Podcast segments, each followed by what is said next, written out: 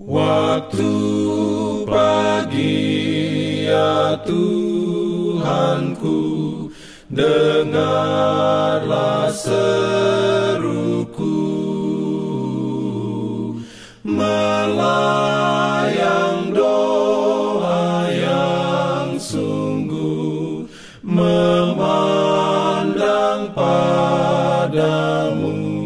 Selamat pagi pendengar Radio Advent Suara Pengharapan.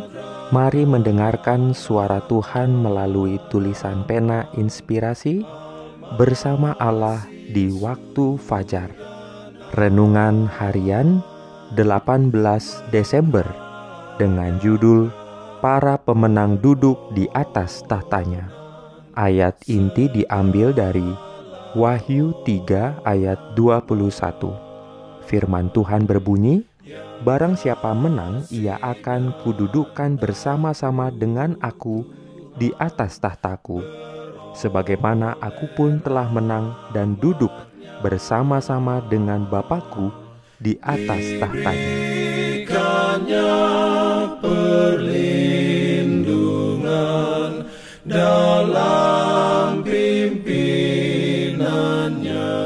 Urayanya sebagai berikut. Lengan abadi Tuhan melingkari jiwa yang meminta bantuannya, betapapun lemahnya jiwa itu. Hal-hal yang berharga dari perbukitan akan binasa, tetapi jiwa-jiwa yang hidup untuk Tuhan, yang tidak tergerak oleh kecaman, tidak juga oleh karena tepuk tangan, akan tinggal selamanya bersamanya.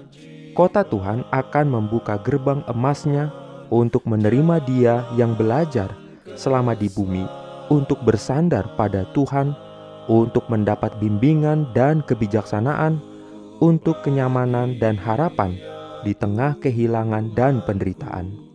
Nyanyian malaikat akan menyambutnya di sana, dan baginya pohon kehidupan akan menghasilkan buahnya. Peringatan tentang hidup Anda akan tertulis dalam buku catatan dan jika engkau akhirnya menjadi seorang pemenang, akan ada jiwa-jiwa yang diselamatkan melalui upaya Anda dengan penyangkalan diri, perkataan yang baik, dan kehidupan Kristen yang konsisten. Dan ketika pahala akhirnya dibagikan kepada semua orang, karena pekerjaan mereka telah dilakukan, jiwa-jiwa yang ditebus akan menyebut engkau diberkati dan Tuhan itu akan berkata, "Baik sekali perbuatanmu, hai hamba yang baik dan setia. Masukkanlah ke dalam sukacita Tuhanmu." Mereka akan menjadi imam-imam Allah dan Kristus, dan akan memerintah bersama-sama dengan Dia seribu tahun lamanya. Dengan bersekutu bersama Kristus, mereka menghakimi orang-orang fasik, membandingkan tindakan-tindakan atau perbuatan-perbuatan mereka dengan buku peraturan Alkitab dan memutuskan setiap kasus sesuai dengan perbuatan-perbuatan yang telah dilakukan oleh seseorang. Sesudah orang-orang suci diubahkan kepada keadaan yang tidak akan binasa dan diangkat bersama-sama dengan Yesus, setelah mereka menerima kecapi mereka, jubah mereka, dan mahkota mereka, serta masuk ke kota itu, barulah Yesus dan orang-orang suci itu duduk dalam penghakiman. Amin. Perlindungan dalam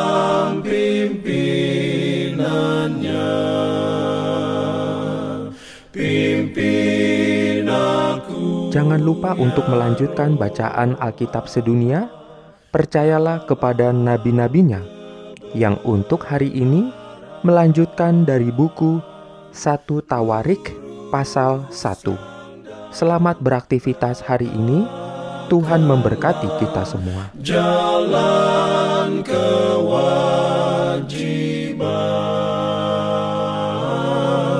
Jalan keselamatan.